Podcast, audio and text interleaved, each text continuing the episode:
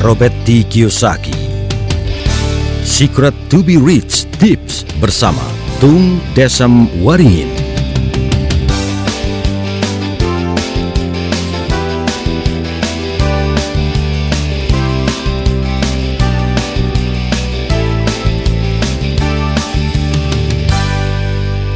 Tips ke-14 Memilih teman dengan hati-hati Dikatakan oleh Robert T. Kiyosaki Dengan siapa Anda menghabiskan waktu, itulah masa depan Anda Robert Kiyosaki pernah mengikuti seminar 24 tahun yang lalu di mana instrukturnya meminta Robert menuliskan 6 nama orang yang paling sering melewatkan waktu bersama Robert.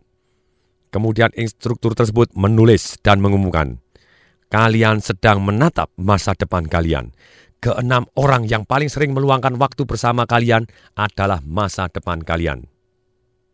Sekarang silakan, Anda lakukan tugas yang sama. Tulis enam orang yang paling sering Anda jalanin hidup. Mungkin tidak selalu teman Anda, bisa jadi mungkin rekan kerja, pasangan hidup, anak-anak, kelompok agama, kelompok sosial. Saya pribadi juga mengerjakan tugas ini 8 tahun yang lalu.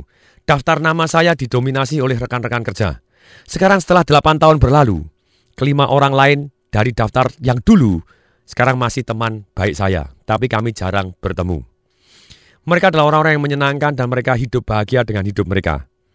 Perubahan saya hanya melibatkan diri saya. Saya ingin merubah masa depan saya. Supaya berhasil mendapatkannya, saya harus merubah cara berpikir saya. Dan sebagai akibatnya, saya juga harus merubah orang-orang yang menghabiskan waktu bersama saya. Menurut saya pribadi, kesuksesan kita sangat tergantung dalam dua hal. Satu, apa pun yang dimasukkan ke dalam otak kita. Yang kedua, siapa yang kenal kita. Robert Saki dan saya tidak memilih teman berdasarkan keadaan finansial mereka. Kami juga mempunyai teman-teman yang nyata-nyata berkaul kemiskinan dan juga teman-teman yang menghasilkan jutaan dolar setiap tahunnya. Maksud saya, kami belajar dari mereka semua dan secara sadar kami berusaha belajar dari mereka. Kami akui bahwa ada orang yang saya cari karena mereka mempunyai uang. Tetapi kami tidak mengejar uang mereka. Kami mengejar pengetahuan mereka. Dalam beberapa kasus, orang-orang yang mempunyai banyak uang tadi menjadi sahabat baik dari kami, tapi tidak semuanya. Kami juga belajar dari teman-teman kami yang bergumul secara finansial. Kami belajar apa yang tidak boleh kami lakukan. Problemnya di sini, banyak orang datang ke tempat teman-temannya yang kaya atau saudaranya yang kaya. Mereka hanya datang untuk mencari satu atau dua atau bahkan dua-dua dari yang di bawah ini. Satu mereka kalau bukan nyari pinjaman atau hutang, mereka akan cari pekerjaan.